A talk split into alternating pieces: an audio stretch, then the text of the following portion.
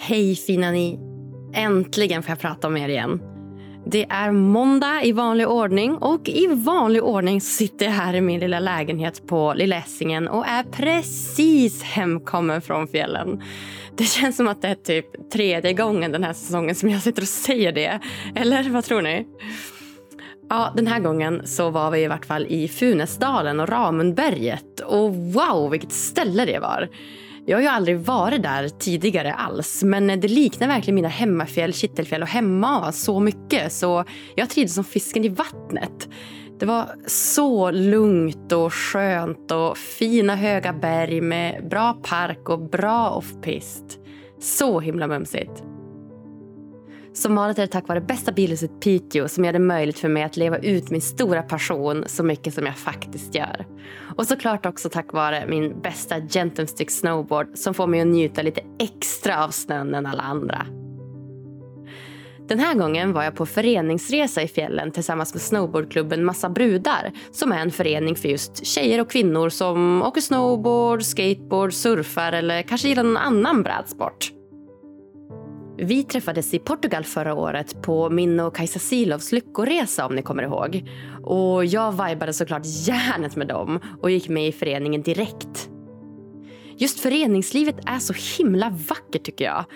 Det är någonting med den fina sammanhållningen som skapas och att hela systemet är liksom byggt på demokratiska principer där alla får sin röst hörd. Och att samlas runt en aktivitet, hobby eller ett intresse sådär. Det händer något med oss människor då tycker jag. Det är som någon slags gemenskap som är otroligt svår att slå. Ja, jag älskar det. Det är så fint. Och på tal om föreningsliv hörni ni, så vill jag såklart passa på att tipsa om mina nya fina samarbetspartners Dina Försäkringar som nu aktivt jobbar med att hitta nya norrländska föreningar inom kultur och idrott att ekonomiskt sponsra. Alltså ekonomiskt ge pengar. De vill alltså bidra med pengar till en förening som jobbar för att främja barn och ungdomar, integration, jämställdhet eller varför inte alla tre? Hur magiskt är inte det? Jag har aldrig haft något liknande samarbete. Det är verkligen ett företag som genuint bara vill bidra till samhällsnyttan och ge pengar till en norrländsk förening som behöver det. Ja, vill ni veta mer om det så spärra upp öronen under reklampausen vet jag. Men nu till veckans gäst. Jag är så himla glad över att kunna presentera mannen med ett av de största TED-talksen i världen. Han gästar idag Lyckopodden för andra gången för att lära dig mer om de sex revolutionerande substanserna som kommer att förändra ditt liv för alltid. Han heter David J.P. Phillips och har i över tio år undervisat, coachat och föreläst i hur biologi och neurologi påverkar vår kommunikation med oss själva och med andra. Alltså kort och gott självledarskap. David han lyckades själv ta sig ur en lång depression med hjälp av många av metoderna som han kommer att avslöja i dagens samtal. Vi utgår från Davids nya bästsäljande bok Sex substanser som förändrar ditt liv. Och David förklarar grundligt och ingående hur dessa substanser är kopplade till dina lyckonivåer. Hur de påverkar dig och slutligen hur du kan hjälpa din kropp att dagligen producera mer av dessa substanser än tidigare. Alltså snacka om lyckopiller. Jag hoppas ni ska bli lika imponerande av det här avsnittet som jag blev. Varsågoda.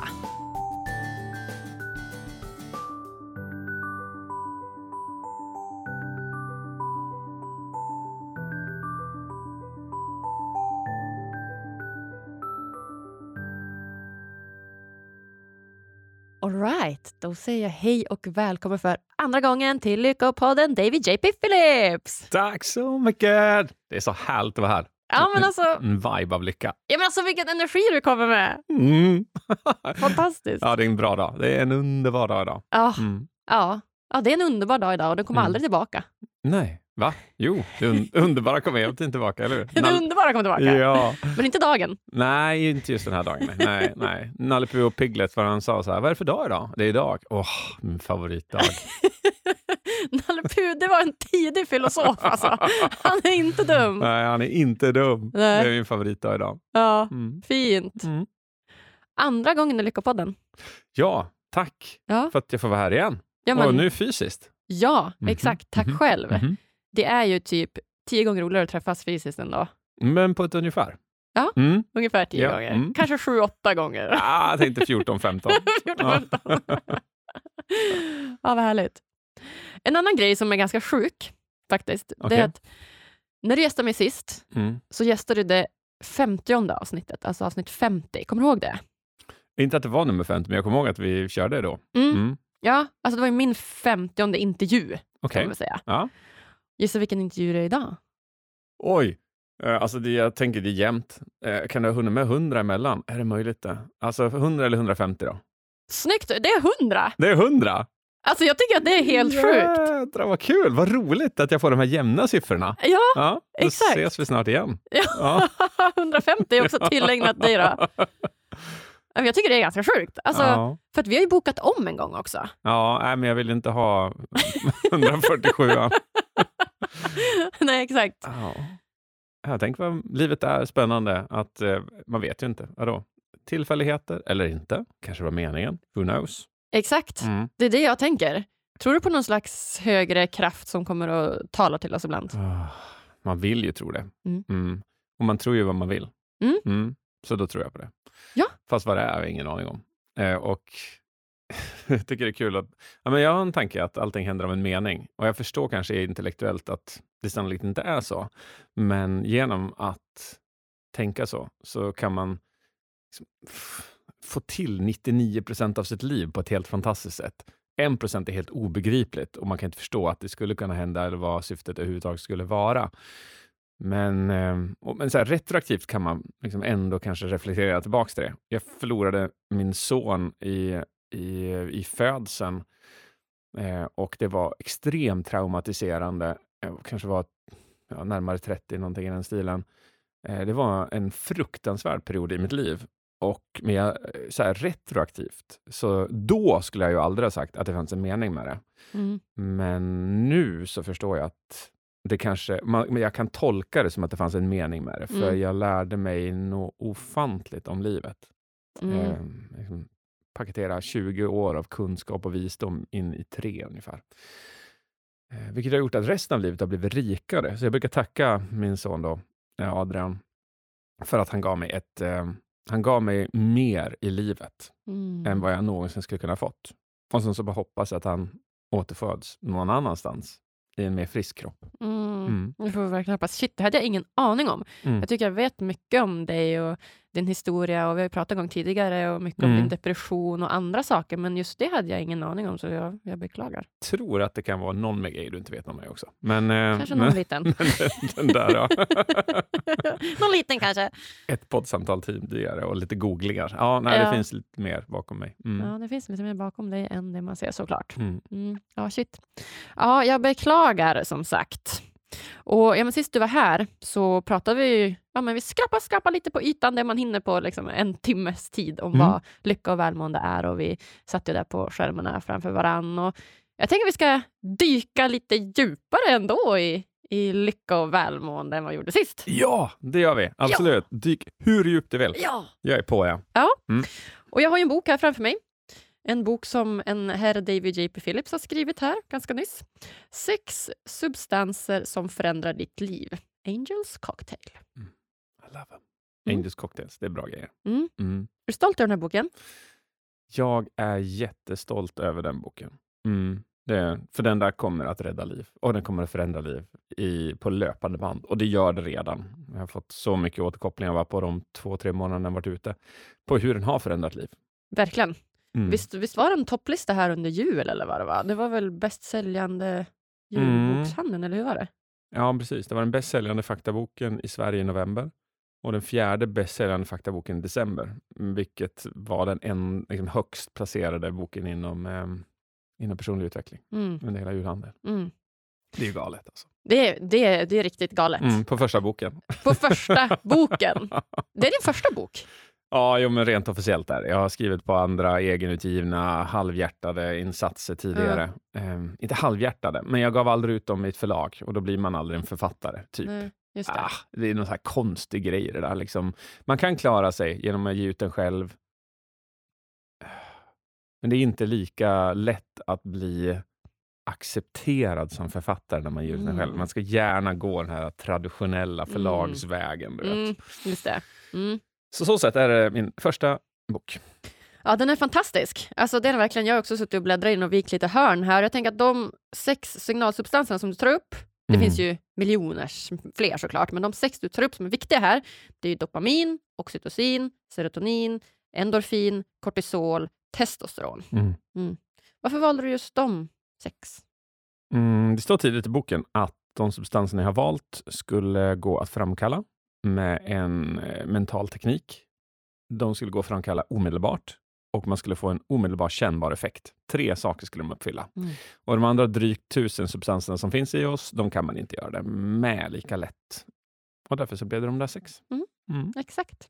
Och det är superspännande. Jag tänker att vi ska försöka hinna med i vart fall fyra av dem. Okay. Det, vi har ju en liten timme på oss här, så jag tänker att fyra stycken ska vi väl kunna få till. All right.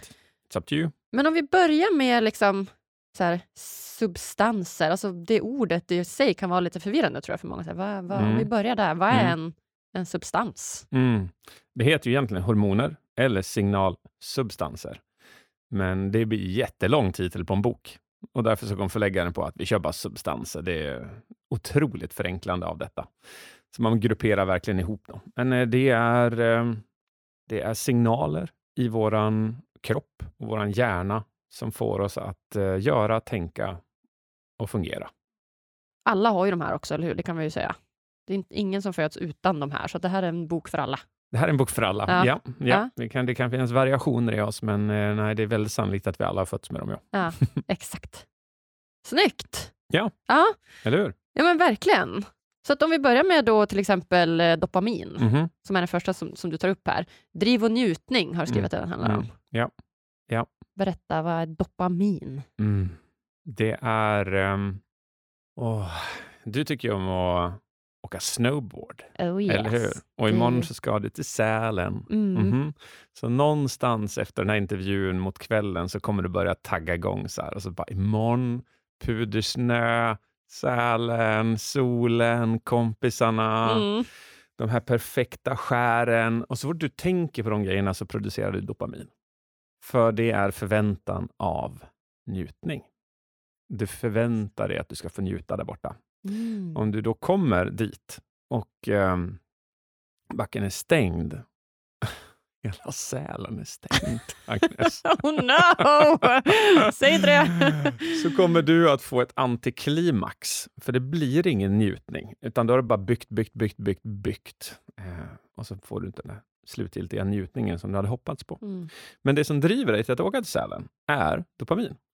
Men om vi skulle hugga någon slumpmässig stackare här ute och bara, du ska hänga med och åka snowboard imorgon i Sälen och personen i fråga hatar allt som har med snowboardar och snowboarding och snö och kyla att göra, så skulle det inte uppstå något dopamin, för det finns ingen förväntan av njutning.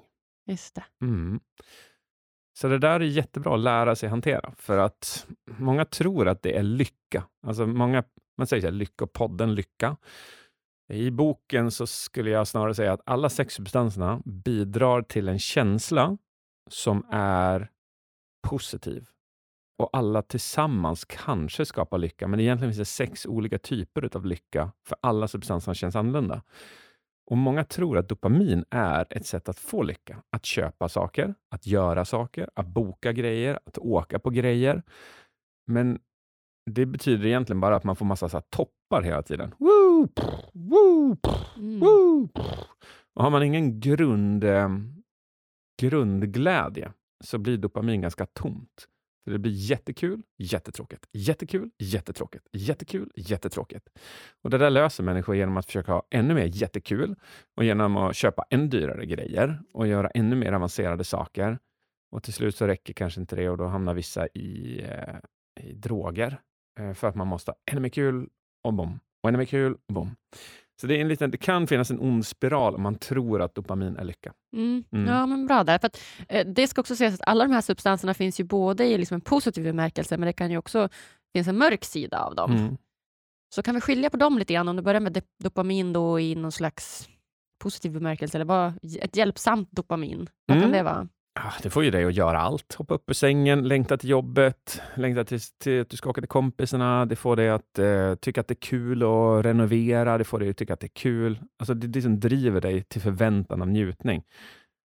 Så det drar dig som en magnetisk kraft mot saker och ting.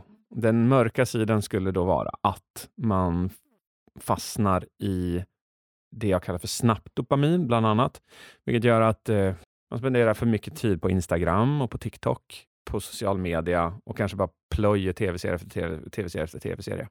Då är det lite som att ens dopamin luras. Man, man blir liksom blåst av alla dessa appar och de stjäl ditt dopamin, för du har bara en begränsad mängd. Du måste tillverka dopamin hela tiden. Så säg att du sänkte, säg att man skulle kunna ha en mängd dopamin. Säg att du vaknar på morgonen med ett kilo dopamin. Sjukt hög siffra.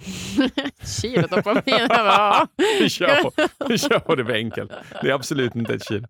Men för, var för så här, ett kilo och sen så spenderar du första eh, halvtimmen i sängen med att titta på appar. Ja, men då kanske du har tömt ett hekto. Liksom. Och sen så eh, går du ner och kollar på nyheterna medan du äter frukost och då har du tömt ett halvt kilo till. Och sen så så kanske du lägger dig i soffan och äter chips och dricker cola och godis eh, och så har du tömt ännu mer dopamin, eh, fortsätter surfa, bla bla. Och så plötsligt så har du bara noll kvar. Mm. Inget är kul, inget är roligt. Det kan inte riktigt bli så. Men liksom, det är en begränsad mängd och det är inte så här, när du är klar nu, då är det bara, nu går jag ut och krattar löv. Mm. Det är sällan man får den känslan. Utan då är det mycket bättre att börja med att kratta löv eh, och göra de sakerna som jag i boken definierar som långsamt dopamin. Mm. Riktiga saker, typ. Mm. Jag ska läsa upp de här, för jag har ju den mm. sidan uppe här i sammanfattningen. Då har mm. du dels, ja, men du delar upp det snabbt och långsamt dopamin. Ja. Och snabbt är det du pratar om då, vilket du definierar som snabba injektioner av dopamin, som inte har någon nytta i längden, till exempel ja, slöskrolla på telefonen eller äta en chipspåse. Och sen har du skrivit långsamt dopamin, som då kan vara till exempel, eh, du har skrivit långsamt dopamin som din Angels cocktail primärt ska bestå av, definierar jag som dopamininjektioner som har större direkt nytta för dig nu eller i framtiden. Till exempel att lära dig någonting nytt, träna, vara kreativ, umgås socialt, lösa korsord, se utmaningar som utvecklande istället för problem. Ja. Det var ju väldigt bra och definierande tycker jag. Ja, ja absolut. Nej, ja. Men det är såklart, om man lär sig om man lär sig spela gitarr nu så kommer man få dopamin varje gång man får till det rätt och strängen känns rätt och låten sitter rätt och man, liksom bara, man bara matar i sig dopamin allt eftersom man lär sig den nya låten på gitarr. Men det gör ju också att du kan spela nästa låt bättre och då får mm. du ännu mer dopamin. Mm. Och Det här gör att du kan spela nästa låt bättre och då får du ännu mer dopamin. Och en dag så kanske du kan göra en, spe, en skiva och då får du massa dopamin. Mm. Det finns ett större eh, värde i det. Istället för att har plöjt samma tid i en serie osammanhängande posts på Instagram som en algoritm har valt åt dig. Mm. Mm. Då är det mer så att du tömmer det i ett hål. Det är inget fel med det. Jag tycker man kan göra de grejerna och jag gör ju de grejerna. Jag liksom håller mycket på med social media. Mm. Men man måste vara medveten om att det är så. Du frågar den mörka sidan, då är det den mörka sidan. För mycket snabbt dopamin och att man tror att dopamin är lycka. Snyggt! Bra! Ja! Ja!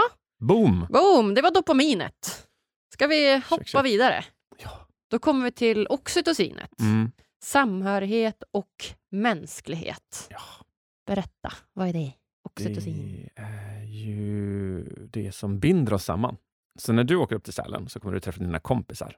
Jag skulle tippa på att det är en stor del av den förväntade njutningen. Ja. Mm, så att dopaminet driver dig till Sälen, men den njutningen du får där borta är faktiskt oxytocin. Det är liksom det du längtar till. Eh, och du kommer få ännu mer när, när ni har åkt klart och ni går hem till stugan, tänder en eld, lägger er på en björnfäll och tittar in i den sprakande elden när man ser snön falla utanför och någon har bryggt en varm kopp te med grädde och marshmallows eh, och alla sitter och skrattar och pratar och myser i värmen av elden. Så det är väldigt sannolikt att ni då producerar väldigt mycket oxytocin Mm. tillsammans. Och det gör att ni bondar. Eh, ni har tillit till varandra, samhörighet, ni blir liksom en grupp för varandra. Ni ställer upp för varandra, ni har koll på varandra, ni hjälper varandra, ni bryr er om varandra. Rent evolutionärt så är ni liksom en grupp, så där gruppen har större chans att överleva än individen. Och då mekanismen bakom oxytocin det är att föra människor tillsammans. Just det. För, visst är det också det som aktiveras av typ så närhet och kramar och pussar och sex och sånt? Ja, ja. Stora mängder bra sex måste det vara, helst. Eh, man kan ju tänka sig att dåligt sex är ju inte riktigt framkallar inte oxytocin på samma Nej. sätt. Eh, men eh, bra sex, bra kyssar, eh, närhet som du faktiskt vill ha. Om det kommer, tar vi den här slumpmässiga individen vi högg för att ta med oss upp till Sälen. Om den personen plötsligt börjar ta på eh, dig, fast Ja. du inte vill det, så Nej. är det ju inte positivt. Det är ju inte så att du kommer känna massa oxytocin. Nej.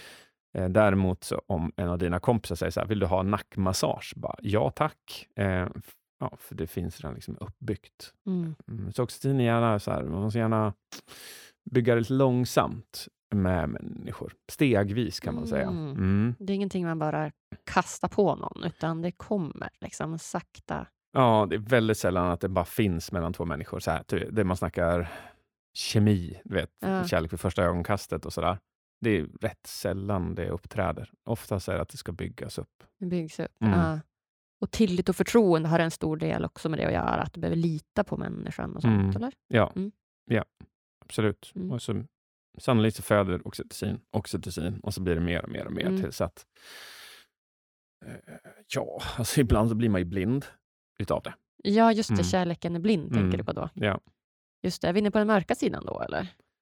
Ja, lite grann kan det vara att oxytocin påverkar den blindheten. Mm. Eh, man, eh, man har en sån connect, connection med sin partner att man inte vill se det ens polare säger åt en är felet. Liksom. En annan mörk sida är att vi, eh, vi kan förskjuta andra grupper för att stärka vår egen. Eh, typ rasism, mobbing. Det är inga schyssta grejer. Nej, exakt. Och det var det jag, jag fastnade lite i den här också. För att jag läste den här boken och sen ja, men, så slog jag ihop den ett tag och så läste jag lite till och så slog jag ihop den ett tag. Mm. Och sen så när jag liksom researchar så, här så brukar jag stryka under det jag tycker är intressant egentligen. Och då har du skrivit ett stycke på sidan 69 som är väldigt så här förstorat. Mm. Så det, tar, det är som ett citat som tar upp en halv sida och så har Mm. det gjort det ibland Mm. i boken. Då. Och eh, då står det att då står det om just mörkt oxytocin. Mm. Och då står det oxytocin anses vara en av orsakerna till att rasism existerar. Önskan att tillhöra en gruppering är så stark att den går emot vår egen moral och etik. Att få tillhöra en grupp är viktigare än det mesta i livet. Och det tycker jag var väldigt bra. Och då har jag skrivit här, här uppe i hörnet har jag skrivit så här, injicera oxytocin i SD. Mm. har jag skrivit här för att jag tänkte att de skulle få lite mer oxytocin. Ja, så det var Ja. en bra... En, de är ju en gruppering ja, och eh, de förstärker sin, exempelvis sin gruppering genom att förskjuta andra grupperingar. ja, Ja, så man ska egentligen inte säga att man ska förhöja deras oxytocin, utan snarare det. det. att man ska få dem att, alla människor bör förstå att man ska sluta med det mörka oxytocinet. Lägga av med att förskjuta andra människor.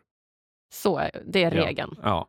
Gör istället som så att den gruppen du vill tillhöra, eh, bry dig om den, hjälp varandra, se varandra, lyft varandra, stötta varandra, mm, håll om varandra, krama varandra, visa att du är liksom tillitsfull och att de har, kan ha förtroende för dig. Mm, Då bygger du den gruppen och den gruppen kommer att bli din. mm. Bygg inte den styrkan genom att snacka skit om den andra gruppen. Så här, Åh, men de är så dumma i huvudet, helt knäppa eh, losers, bara Mm. IQ fiskmås, eh, weirdo, skidåkare. Vet du. Hur, hur jag casar dem? kan jag relatera nu eller? Nej, vi tycker om skidåkare. Okej, ja, De får vara med. Ja. Men det finns en liten gammal tradition där mellan skidåkare och snowboardåkare. Ja, det gör det. Ja, det gör det absolut. Mm. Nej men exakt, det där är väl skitbra att eh, ta upp tänker jag. För det där tycker jag är ganska vanligt ändå, att man hör och ser att oh, den gjorde sig och den gjorde så. Speciellt när man var yngre, så här, i, Mm. Typ gick i skolan och tonåren och sådär och var lite osäker och rädd för att bli utanför. Då var det ju lätt det att man tog till den, den mörka sidan av oxytocin. Så att, det vill vi inte. Nej, den är jättestark, så det är oftast därför man tar till den. Ja, Alltså den är ju lättare. ja den är Det lättare. är lättare för mig att bonda med dig genom att snacka skit om någon annan än att bry mig om dig. För det tar Exakt. mycket längre tid. Det tar längre tid, det är väl det. Mm. Att det tar längre tid att så bygga upp en relation Mm. på det sättet än att så här, kasta Mm. någon annan under bussen. Typ. Yes. Mm. Men det vill vi inte. Nej! Gömde du dig Sluta bakom, med det. nu gömde skulle- du dig bakom micken. Jag skulle se om det gick att se igenom mik mikrofonskyddet. Gick Mm. det? Ja, det går. Det gick. Då vet vi det till lyssnarna. Det går att se igenom mikrofonskyddet. Ja. Ja, vad härligt. Mm. Ja, ja men känner vi färdiga med den då? Den har oxytocinet. Mm, absolut. Eh, Båda de där är två mycket, mycket större, men jättefina sammanfattningar. Mm. Mm. Ja, men exakt. Det känns som att det är väldigt fina sammanfattningar, så det känns, känns viktigt. Mm. Okej. Serotonin. Social status, nöjdhet och humor. Nej, humör. Ett, serotonin framkallas sannolikt när du är nöjd. När du har uppnått någonting. Så tänk att du vill ha, du är hungrig och du bara så här, åh gud, en hamburgare vill jag ha. Jag vill ha en hamburgare, jag vill ha pommes, åh gud vad jag vill ha det. Och sen så är det stängt överallt. Och det är sent, klockan ett. Du bara, men där, där är det öppet. Och du går alldeles för långt för att ta dig till den där pommesrestaurangen. Och så var det stängt där också, men du får reda på att det är en annan som är öppen. Du bara, men jag går dit då, för jag måste ha en hamburgare. eh, och när det väl kommer dit, då har ju dopaminet drivit dig till att äta hamburgare. Men när du väl har ätit den så uppstår sannolikt en ökning av serotonin. Vilket gör att du nu känner dig nöjd och mätt. Och jag skulle säga största problemet i vårt samhälle är att de flesta är så otroligt dopamindrivna. Köp nytt, gör nytt, gör mer, skaffa mer, åstadkom mer, tjäna mer, bygg mer, utveckla mer, kvartalsrapporter på börsen. Liksom. En far kom på det. Det är så kortsiktigt idiotiskt. Eh, Mm. och det är, mycket, det, det är dopaminet som driver det hela tiden. Medan om människor kunde lära sig att vara i sitt nöjda tillstånd av serotoninet. Du vet bara, jag är svinnöjd med att bara sitta här och prata med dig. Jag vill inte åka någon annanstans. Inte åka till Sälen. Nej, jag är jättenöjd med att vara här. Ja.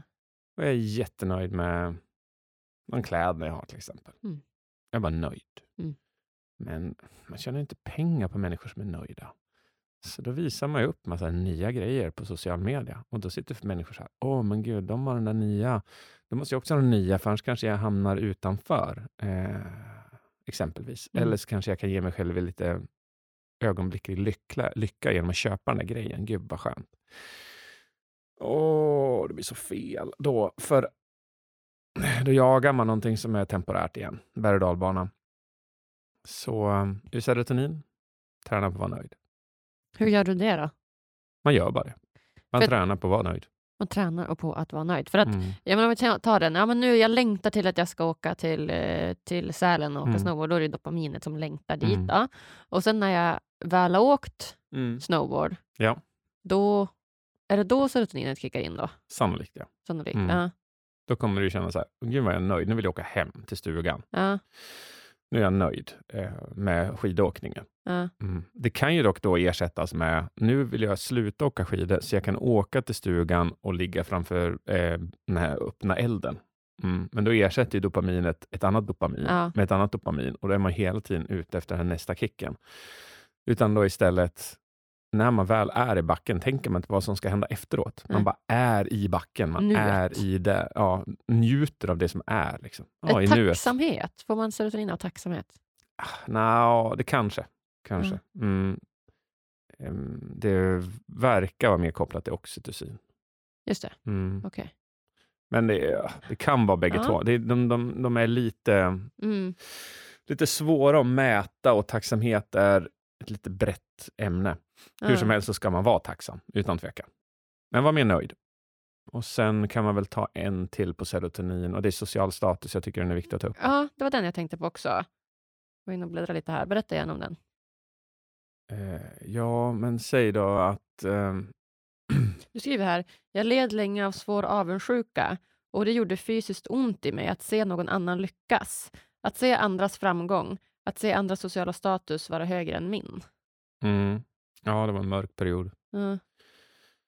Det var en mörk period. Men säg så här, du vaknar upp imorgon Agnes och du kollar in social media och så är det någon som hyllar din podd. Då kommer ditt serotonin att gå upp. För din sociala upplevda status gick upp. Du känner dig viktigare då än vad du var förut. Och du lever på den liksom i en halvtimme.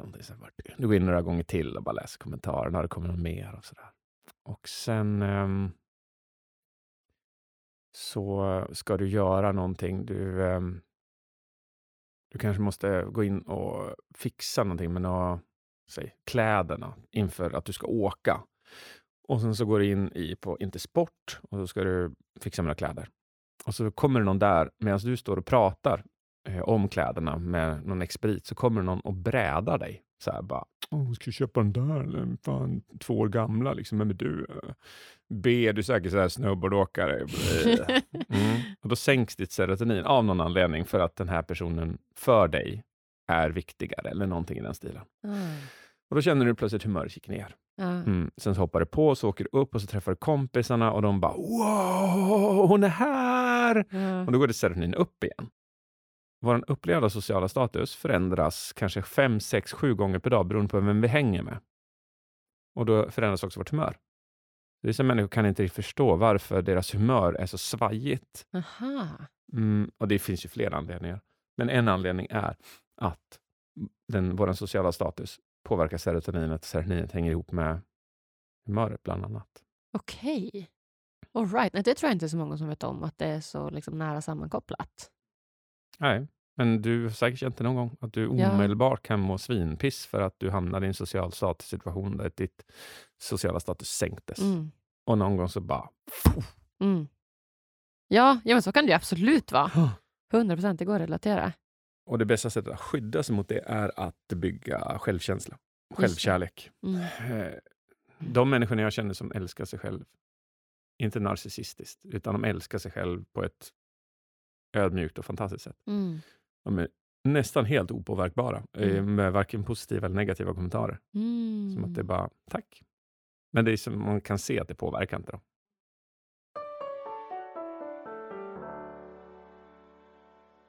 Veckans avsnitt är sponsrat av mina nya fina samarbetspartners Dina Försäkringar. Och det bästa är att nu vill de hitta fler föreningar att sponsra. Ja, det här företaget har verkligen förstått vinkeln med att ge och ge och ge utan att förvänta sig något tillbaka. Och det vet ju både du och jag att det är ett riktigt lyckorecept. De vill alltså ge pengar till dig och den förening du är med i utan att du behöver känna någon som helst stress eller press av att behöva ge några pengar tillbaka eller göra något du inte känner för eller klicka på någon rabattkod eller så. Nej, utan dina försäkringar de vill helt enkelt ta hjälp att hitta kultur och idrottsföreningar att sponsra för att fortsätta bidra till samhällsnyttan på fler positiva sätt än de redan gör idag. Hur bra låter inte det? Så till alla mina norrländska vänner. Här kommer kanske det mest generösa erbjudandet i poddens historia. Kanske är du med i någon bokklubb, musik eller dansklubb, spelar gitarr i någon förening, är med i någon teaterklubb.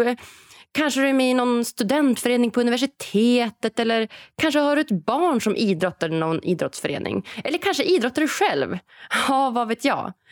Men om du gör det och bor i Norrland, då bör du helt klart kika in länken i avsnittsbeskrivningen eller i min bio på Instagram. Jag har redan tipsat min lokala snowboardförening att söka. Det här vill du bara inte missa. Och just ja, det kan vara bra att förtydliga också att med Norrland så menar vi alltså stor, stor Norrland. Alltså från Härjedalen upp till Kiruna. Och inte Norrland då som är från Umeå uppåt som jag ibland eh, skämtar om i podden. Nej, utan i det här fallet så gäller det också Åre och Sundsvall, Östersund och eller om du kommer från något annat eh, gulligt ställe från Västernorrland, Jämtland, Norrbotten eller Västerbotten. Och du, om din förening dessutom bidrar till barn och ungdomar, integration eller jämställdhet, då ligger ni lite extra bra till här vill jag lova. Varmt välkommen att ansöka om sponsring hos Dina Försäkringar via länken i avsnittsbeskrivningen eller via länken i min bio på Instagram. Sista ansökningsdag är 28 februari 2023. Nu tillbaka till avsnittet. Varsågoda.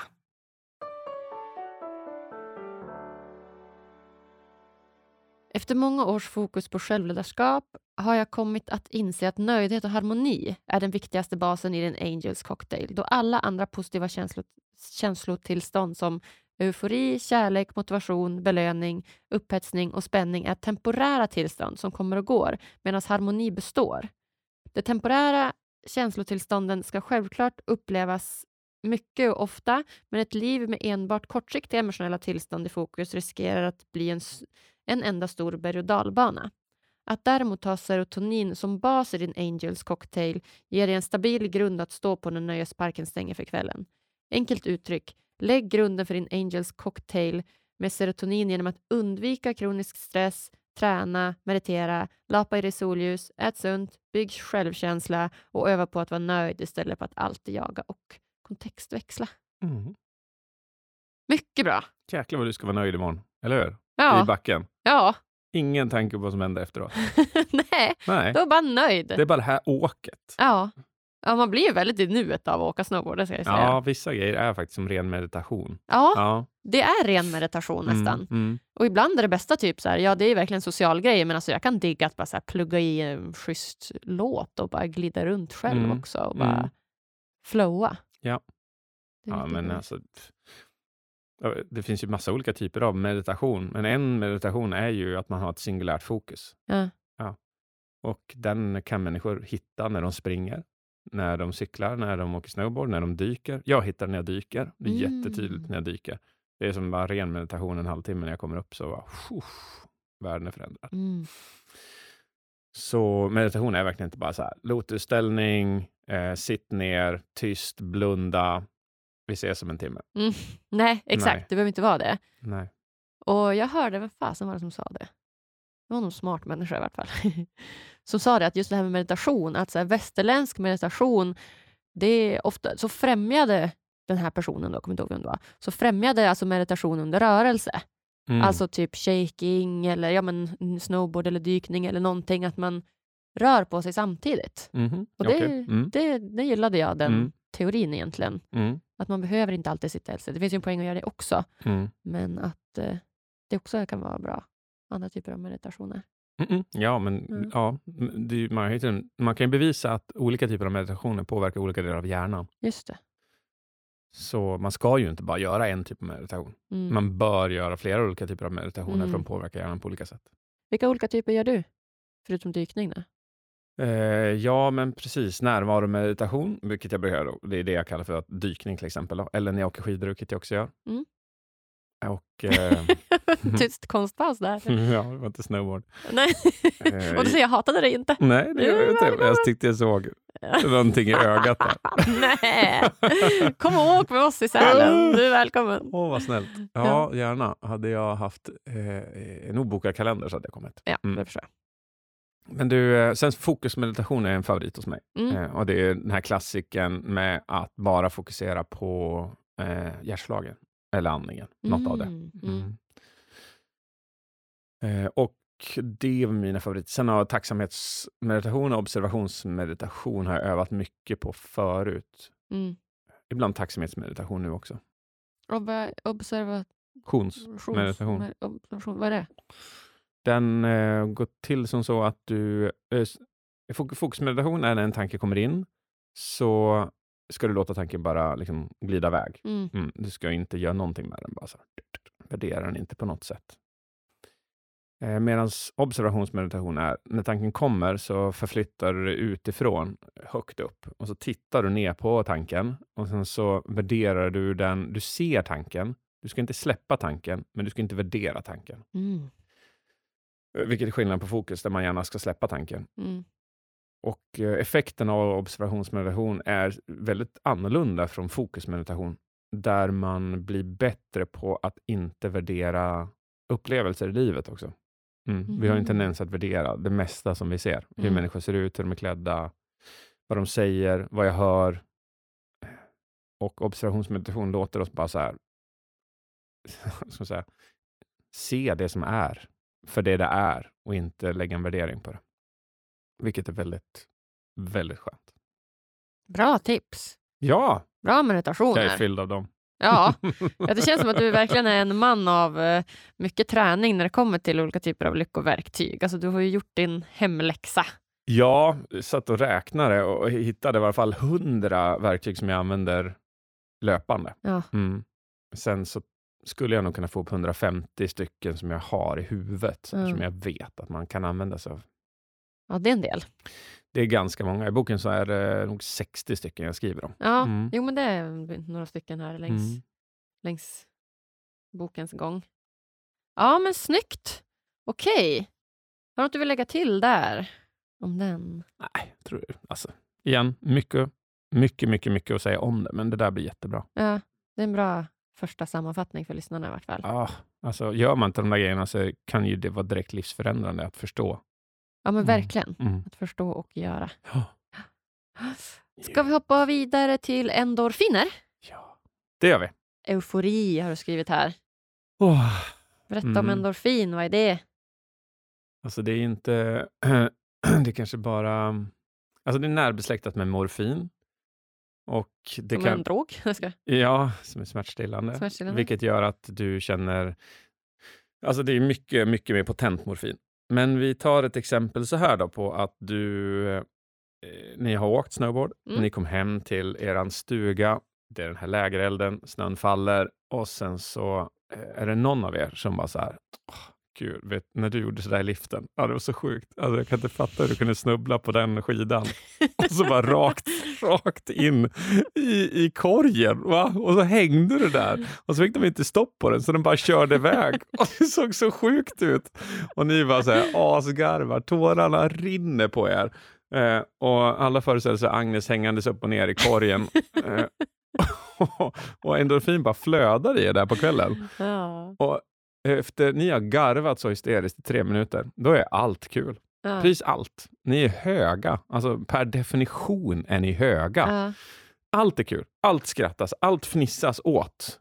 Och det håller i sig en tio minuter, en kvart ungefär. Någonting i den stilen. Det är endorfiner. Det är den bästa känslan. Grattis! Svinsnyggt. Du har säkert fått lite, lite dopamin i det där också, säkert lite serotonin i det också, men Mm. det är endorfiner som skapar den här känslan av nu är jag hög. Dagen efter så är ni i backen igen. Svinkul. Och du, eh, du eh, in, felskär. Och så bara puff, så du slår dig så det bara smäller om det. Och du ligger där och du bara känner, har jag brutit armen? Eller har jag inte? Och det gör jätteont. Men som tur var så kommer endorfinerna in och lindrar smärtan. Och det gör inte riktigt lika ont längre. Du känner att du kan börja röra på den i alla fall utan att ha absolut o, så här, i extrem smärta. Mm. Och då märker du att den är inte bruten, det var bara en jäkla smäll. Jättehärligt med endorfiner. Jag älskar dem. Och man Mm. kan framkalla små doser genom att le genuint. Mm. Och man kan eh, framkalla lite större doser genom att bara skratta, som du och jag under gör det här samtalet. Och stora doser genom att skratta hysteriskt till exempel. Eh, I love them.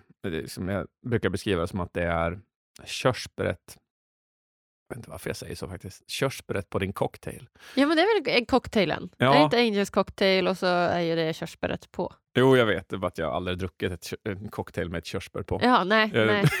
det är den då, den lilla detaljen. Men annars är det det. Det är, det är grädden på moset. Så här. Ja. Också en skumt uttal, eller hur? Vem har grädde på mos? ja, faktiskt. Det är också jävligt skumt. Grädde på moset. Handen i handsken säger vi då. Det, Ja. det är mer logiskt. För det har man ju faktiskt. Man har ju handen i en handske. Ja, det är det man kan toppa livet med endorfiner. Ja. Ja. Serotonin, fundamentet.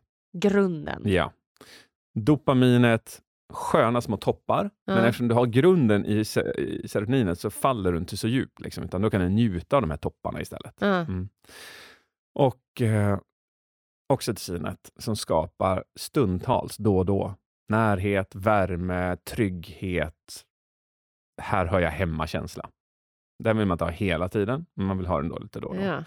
Och sen så toppar man upp med endorfiner de dagarna. Man bara, eller inte om dagarna. De tillfällena på dagen då man känner bara, nu känner jag för att bara uff, släppa loss. Nu vill jag bara bli gladare här och nu. Liksom. Ja. Ja. Ja, Fint. Finns det någon mörk sida av endorfiner? det gör det. Det finns mörka sidor av alla. Och, Mm. och det kanske man skulle kunna koppla, i det här fallet enklast uttryck som självskadebeteende. Jaha. Mm. Så att om man skär sig själv?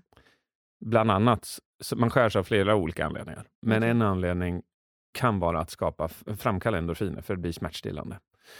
Aha. Mm, Okej. Men, eh, men även mentalt um, självskadebeteende.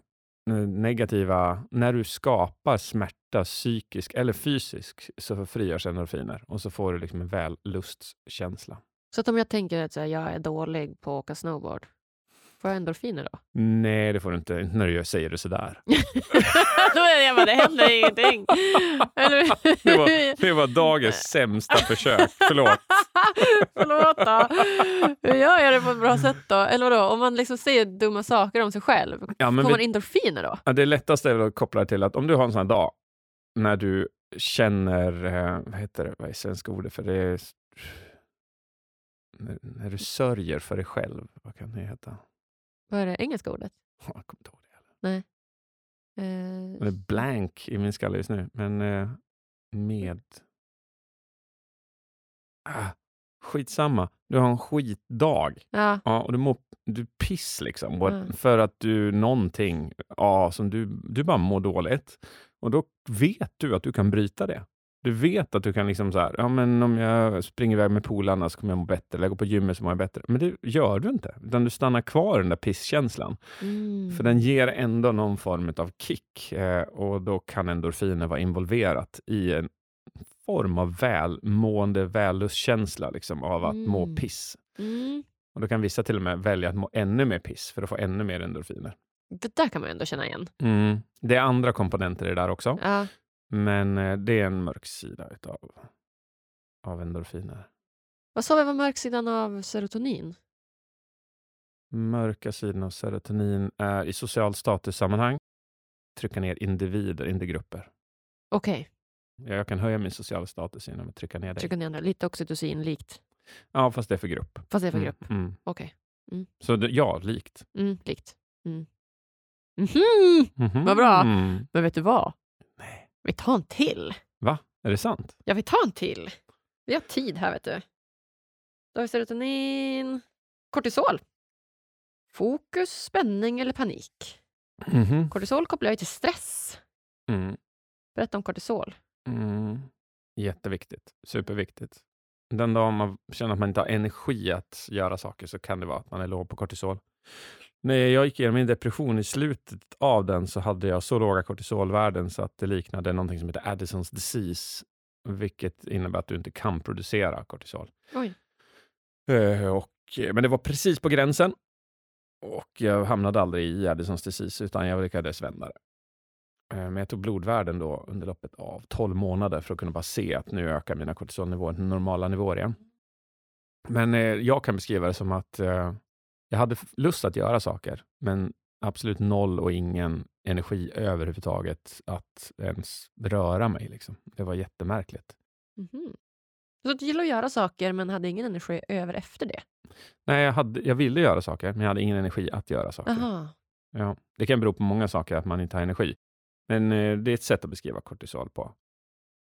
Eh, bästa sättet och viktigaste sättet, och kanske den viktigaste metaforen i hela boken, är den som jag eh, beskriver så här att din hjärna är en trädgård, så rosorna kanske, det spelar ingen roll, men rosorna symboliserar oxytocin, tulpanerna symboliserar dopamin och hibiskusbuskarna symboliserar endorfin till exempel. Den är så vacker den där trädgården. Ja, jag såg den också framför mig. Jag bara, hmm. Den har så mycket sådana här också. Blommor överallt. Ja. Och som trädgårdsmästare är du svinnöjd över den här. Så börjar det regna och du bara yes! Nu kan jag gå in lite och så kommer regnet. Det blir jättebra. Brygger en kopp te, står och tittar ut genom fönstret. Regnet fortsätter. I veckor. I månader. När det har regnat konstant i sex månader, då är du inte riktigt lika kaxig än som trädgårdsmästare. Någonstans får du för dig bara så här, att du får panik. Så här kan det inte se ut. Så du springer iväg och så köper du nya rosbuskar, nya tulpaner och nya hibiskusbuskar och bara springer ut och planterar dem i regnet. Det ser bra ut i några dagar. Sen är de också vissna. Och det här med en liknelse här är att regnet är kortisol. Kronisk stress har negativ inverkan på alla andra substanser, inklusive estrogen, progesteron och fler substanser därtill. Och det många människor gör det är att i den här regnet i sitt liv så får man panik och så försöker man hitta på grejer för att må bättre. Så man bokar en resa till Alperna och så mår man bra i fyra, fem dagar. Men när man kommer tillbaka så är det lika dystert som det var innan man åkte. För det enda man gjorde var att man planterade en rosbuske som vissnade. Och då, eh, man kanske, ja men så här, oh, vi åker ut och gör det här, vi gör det här, vi köper det där. Och igen så blir dopamin det här äh, enda sättet, enda halmstrå till lycka. Men det fortsätter ju regna. Och eh, det är därför den här metaforen är så viktig. För en dag så står den här trädgårdsmästaren och tittar ut genom sitt fönster och ser att solen kommer fram. Bara, ja, det är sex månader, det är sjukt. Underbart. Hoppas den stannar lite. Den stannar flera dagar. Kanske till och med en vecka, så det hinner torka upp lite. Sen kommer det lite regn till och sen kommer det fram en vecka och sen går det lite regn till och så blir den här balansen blir bra igen. Och trädgårdsmästaren behöver inte ens göra någonting så blomstrar trädgården. Allting kommer tillbaks. Liksom det är naturens grundmekanism att återgå till balans. Och det händer i din hjärna också. Så den dagen du reducerar stresspåslaget, den dagen du får att sluta hällregna, så kommer din hjärna automatiskt att balansera sig till lycka, välmående, balans. Det är väl det ultimata av alla lyckohacks som existerar. Sen när man väl har fått det att sluta hällregna och det blir lite så här, sol och regn, då, då kan man lära sig att plantera nya buskar för att bygga en ännu frodigare trädgård om man så önskar. Ah, Okej. Okay. Mm. Snyggt. Just det. Precis. Och Det är därför jag kopplar så mycket till stress. För att den här, alltså stress är ju bra till mm. en viss mängd. Superbra. Ja. Jag skulle inte leva utan den. Nej, och nödvändigt och alltihopa. Mm. Ja, stress är fantastiskt, är det första du skriver här i din sammanfattning. Ja. Men som du säger, att det, det får inte bli för långvarigt och för mycket, utan det måste vara under begränsad period. Ja. Mm. Tre månader tror jag är en bedömning, en generell bedömning på vad som är kronisk stress. Ja, just det. Mm. Ja. Så upplever du att du är kraftigt stressad i tre månader, så befinner du dig i någonting som kan kallas för kronisk stress och då mm. är det verkligen dags att bromsa det. För det har påverkan, inte på de här substanserna, men på hela liksom på cellnivå, på ja. sjukdomstillstånd, på rubb och stubb. Ja, verkligen. Vi är inte vana vid det. Alltså. Du spolar tillbaks 40 000 år. Mm. När uppstod stresspåslag då? Mm, det uppstod sannolikt när vi var jagade eller upplevde hot. Gjorde vi det hela tiden? Alltså dygnet runt? Mm. Inte dygnet runt, men hel, all vaken tid? Sannolikt inte. Mm. Knappast så det var. Nej, exakt. Kanske lite då och då. Man hörde det prassla till i buskarna. Boom! Ja. Vaksamhet. Exakt. Man blev jagad av en grizzlybjörn mm. och man kom undan. Mm. Bra. Mm. Eh, så att under ett dag så kanske vår förfä, förmoder och förfader var stressade en timme. Tror jag till och med det skulle vara mycket att ta i. Eh, Medan du kan rycka genomsnittspersonen här på gatan i Kista och sannolikt så upplever de mycket, mycket mer tid utav en dag som stressande. Åtta timmar minst kanske, om man har vanligt 8 16 jobb. Kan vara så. Ja, så är det själva kanske morgonen. Du vet, ja. så här, barnlämning, trafik, eh, man ska komma igång, man ska hinna med och göra saker och sen så på slutet så ska man eh, handla, hämta barn kanske. Man har inte klart på jobbet, så man måste ta något möte samtidigt. Eh, det är många saker, skapar mm. stress. Man kommer hem, eh, man kanske inte har den bästa dialogen då, om båda kommer hem och är stressade. Eh, det blir friktioner.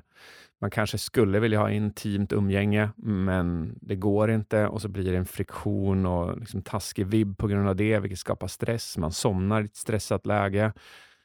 Man får skittaskigt HRV, ett, ett mått mm. eh, för att mäta fysiskt och psykiskt välmående. Vaknar upp med piss-HRV. vilket gör att din dag inte startar på bästa tänkbara sätt och så vidare. Jag hör det uttrycket där man säger att men, hur kan vi ha det så bra men må så dåligt? Mm. Och Jag tror att det uttrycket kan ge människor ångest. Man måste inse att det är jättesvårt att leva i den här världen. Det är skitsvårt. Mm. Om du inte tar kommando över det. Du matas med så många, så här, alltså om du inte tar kontroll över det, så matas du med nyheter som är konsekvent negativa. Du måste hänga på social media, egentligen för att hänga med på saker och ting. Eh, för annars är du ute. Du ska gärna kolla olika typer av tv-serier, för annars har du ingenting att prata med människor om. Du ska gärna hålla på, titta på sport eller hålla på någon sport. Alltså det finns ett mönster som vi liksom matas in i. Och det, och det är inget naturligt rörelse. Väldigt lite ljus som vi får i oss på ett naturligt sätt, för vi sitter i artificiella ljus och i kontor. Mm, vi har artificiella ljus på natten, vilket liksom sabbar upp vår dygnsrytm.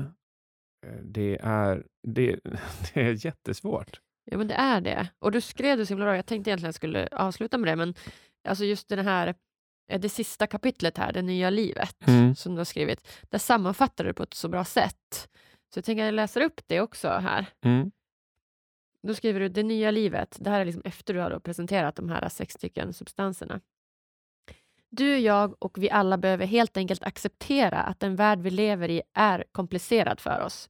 Nyheterna vi matas med dagligen, de extrema sociala konstruktionerna vi jämför oss med, den oändliga mängden alternativ, bristen på naturlig rörelse, fokus på prestation, lockande snabbmat och socker som leder till ett ökat sug efter kolhydrater och ännu mer socker, curlade barn som behöver mer stimulans än någonsin.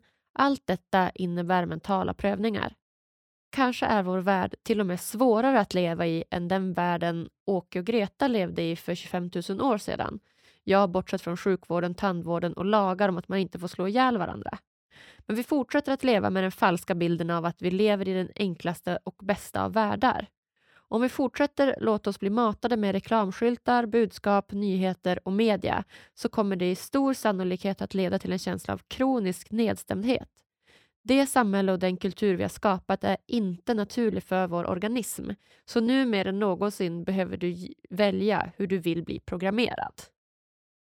Sen skriver jag lite till också, men det var den liksom kärnan som jag bara boom! Mm. Där satte du huvudet på spiken. Och, vilket också är ett konstigt uttryck, huvudet på spiken. På tal om konstiga uttryck. det är sant. Men hur som helst så är det ju perfekt. Alltså det är därför de här är så himla viktiga. Mhm. De här sex stycken substanserna du tar upp. Att det, vi, det krävs så pass mycket medvetenhet emellanåt Mm. för att må bra i den värld vi lever i. Ja, ja, ja, absolut. Ja. Och man ska inte ha ångest om man tycker att det är svårt och jobbigt. Och eh, att påstå att, våra, att vi har det bra tycker jag inte är rätt. Nej. Jag tycker snarare så här, varför mår vi så dåligt? Jo, det är på grund av att vi lever i en utmanande värld. Men vi kan må fantastiskt, för vi har förutsättningar att göra det. Men vi måste ta kommando över det. Skitbra. Jättebra. Eh, bokens titel, som jag skickade till förlaget första gången, var Boken som Gud glömde skriva. Aha, Men det var ju bra. Den fick inte heta det. Jag tyckte inte dem. Nej. ja, men det här är också bra sex substanser som förändrar ditt liv. Ja, det blev bättre tror jag faktiskt. Det blev Eh, tydligare kanske. Men syftet var liksom att det skulle vara typ en instruktionsbok, den man borde ha fått när man föddes. Ja, Det här är dina känslor, så här funkar de, gör så Ja. här. exakt. Bara Mm. det. Känslorna får vi lära oss känslor. Mm. Never. Nej, gud nej. Är fortfarande idag på föreläsningar, så jag kan hundra personer så bara, ja, hur känns det här? Ja, det är, jag får en känsla i kroppen. Ja, men hur känns känslan? uh, vet inte. Nej. Finns det olika? Ja. Ja, det finns sex olika typer av lycka. Så ja, det finns olika typer av känslor. Eller hur? Väldigt sunt att lära sig skillnaden på dem. Väldigt Mm. sunt. Ja, men jag tänker vi måste ta den sista också. Testosteron. Nu har vi ju tagit igenom så fem. Vi kan inte lämna testosteron utanför. vi måste med i gruppen. Självförtroende och vinster, skriver det här. Ja, Berätta om testosteron enklaste sättet att beskriva testosteron på är att det, det ökar våran, våra impulshandlingar. Vi blir mer impulsiva. Vi gör saker vi inte hade tänkt göra. Det är näst, nästan lite som alkohol. Alltså att man blir, så här, man blir kaxig, man blir lite tryggare, man blir lite eh, mer självförtroende, man tror mer på sig själv. Man, man ser inte problemet som ett lika stort problem. Man tror liksom mer på sig själv.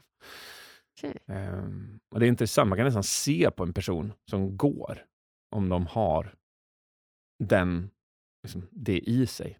Mhm. Eh, ja, det tror jag du har sett. Alltså, man ser... När man går liksom så här kaxigt Ja. och så här bak med axlarna lite fram med bröstet. Ja, ja, jo, ja, men om man Ja, tänker på någon som, som ser ut som de äger världen. Liksom. Ja. Mm.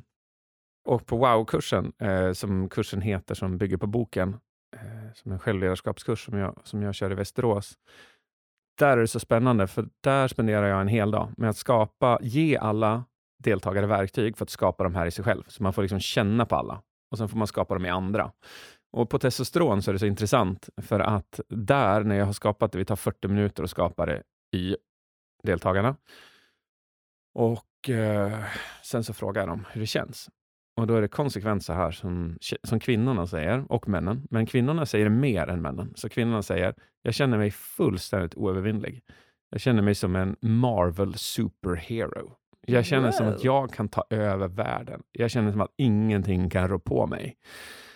Eh, och det, det är mer, fler kvinnor som säger så än män, även om männen också säger så. Men jag tror att det, det kanske är så att kvinnor sällan ger sig möjligheten att känna starka påslag av testosteron. Möjligtvis då.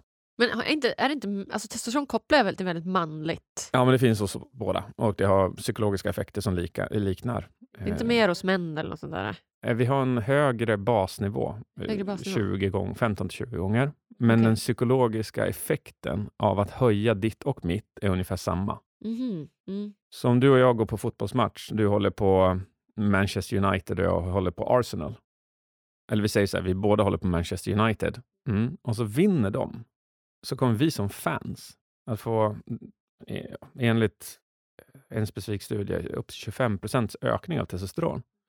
Medan de som höll på Arsenal kom från 25 procent till sänkning, bara av att vara ett fan till ett lag och att se att någon vinner eller förlorar.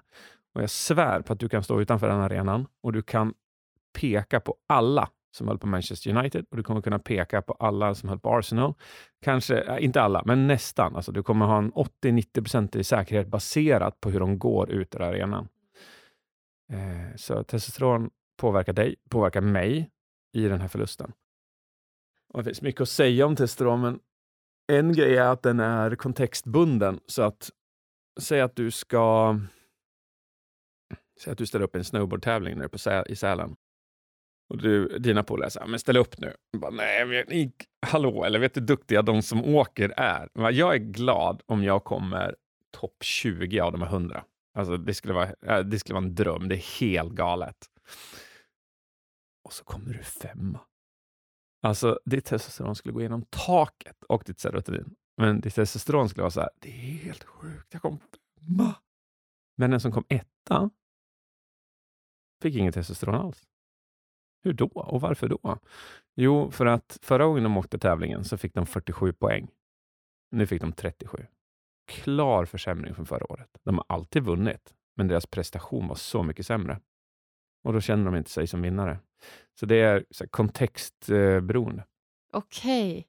Och då skriver du bra här också på sammanfattningen. Eh, eh, testosteron kan bäst beskrivas som en kortvarig ingrediens i din Angels cocktail där du medvetet kan öka din nivå inför olika aktiviteter som gynnas av det, till exempel arbetsintervjuer, sociala situationer, förhandlingar och prestationer. Väl värt att komma ihåg är dock att testosteron har potentialen att försämra ditt omdöme och din impulskontroll, så var medveten om det, så att du i din testosteronrustning, rusning, testosteronrusning, inte tar alltför stora och viktiga beslut. Du kan även löpande under något längre perioder höja ditt självförtroende genom att lyssna på musik som gör dig kaxig, röra dig självsäkert eller tänka på tidigare framgångar. Ta gärna risker som ger dig vinster. Träna dig själv till att se motgångar och förluster som bränsle för att vinna nästa omgång och ge dig själv små vinster inom det område du vill öka ditt självförtroende i. Snyggt! Exakt så är det. Mitt råd är att köp boken och så Mm. går igenom substans efter substans, gärna med din partner och familj. Så ta en vecka till att jobba med dopamin, ta en vecka att jobba med serotonin, ta en vecka med oxytocin och så vidare. Ge den sex veckor och jobba med varje substans i en vecka. Så att du liksom tränar verktygen, vilket känns mest, vilken vill jag ta med mig? Och de verktygen du tycker känns bäst skriver upp på ett papper. Och sen så har du det pappret på väggen i ditt sovrum och tittar på det varje dag för resten av året och träna på de verktygen i respektive substans. Och eh, vill du ha än mer träning, eh, fördjupad träning och verkligen känna de här grejerna och tycker det här är skitviktigt, vilket det är, så finns wowkursen.se och då är det bara att boka sig på en sån kurs och komma och gå och leva livet, uppleva livet. Mm. Uppleva livet, inte Mm. bara överleva. Utan Du har faktiskt- nästan gått, eller hur? Jag för mig att det var på Wow-kursen? Ja, Ja, jag blev inbjuden där. Jag och Lukas har pratat. ja. Men vad var det som hände där? Covid. Covid hände ju kanske. Det Jag kanske tror- var det som jag hände. tror det var typ något sånt. Ja. Ja, det måste det varit. Men eh, nu, nu är den ju på gång igen. Ja. Nu är den ju fullt ös igen. Så att, Ja. ja. nu får du snacka med Lukas så får ni ordna upp det. Ja. Mm. Alltså Lukas är king. King, ah, king of the kings. King of the kings. Alltså han är så trevlig. Han är min chef. Han är chef. jag vill också ha en chef. ja, ja. En fantastisk chef. ja, men det är jättehärligt. Det är mitt bolag, så jag hade ju förmånen att få välja min chef. Ja. Liksom. Bara, du får bli chef för mig, för jag tycker du är ascool. Så ska jag också göra sen Ja. när Lyckopodden växer. Då ska jag bara, du, nu ska du vara min chef. Ja. Alltså det är ju perfekt. Man vill ju ha en chef. Ja. Jag har redan börjat med min så här, ekonomidelen, Mm. alltså så här, en revisor. Då var jag, så här, jag var supernoga, jag bara, vem ska bli min vad heter det, Mm. redovisningskonsult eller revisor? Så jag bara, det. nu är, du, och nu är du min ekonomichef. Ja. Och nu har den personen har koll på allt det och det är så jävla skönt. Ja. Bra där, high five. High Snyggt. five. Ja. Ja, nej, men du, nu har precis pratat i en timme och en minut så att, eh, ja, är det något slutligen du vill dela med dig av till lyssnarna eller hur känns det? Mm, nej, alltså bara... Av, av min erfarenhet, min bakgrund och alla jag mött och det jag gått igenom, så snälla, sluta chansa, sluta hoppas, gör det här. Självledarskap är ditt livs viktigaste ämne. Så bra. Ja, jag säger bara tack, tack, tack snälla du för att du kommer gästa mig på Lyckopodden! Tack, tack, tack, tack, tack Agnes! Ciao! Ciao!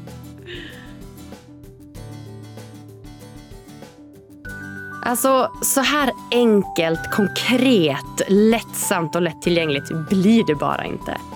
Snacka om att bryta ner kroppens funktioner till olika lyckosubstanser och ta reda på hur du kan göra för att producera mer av de här.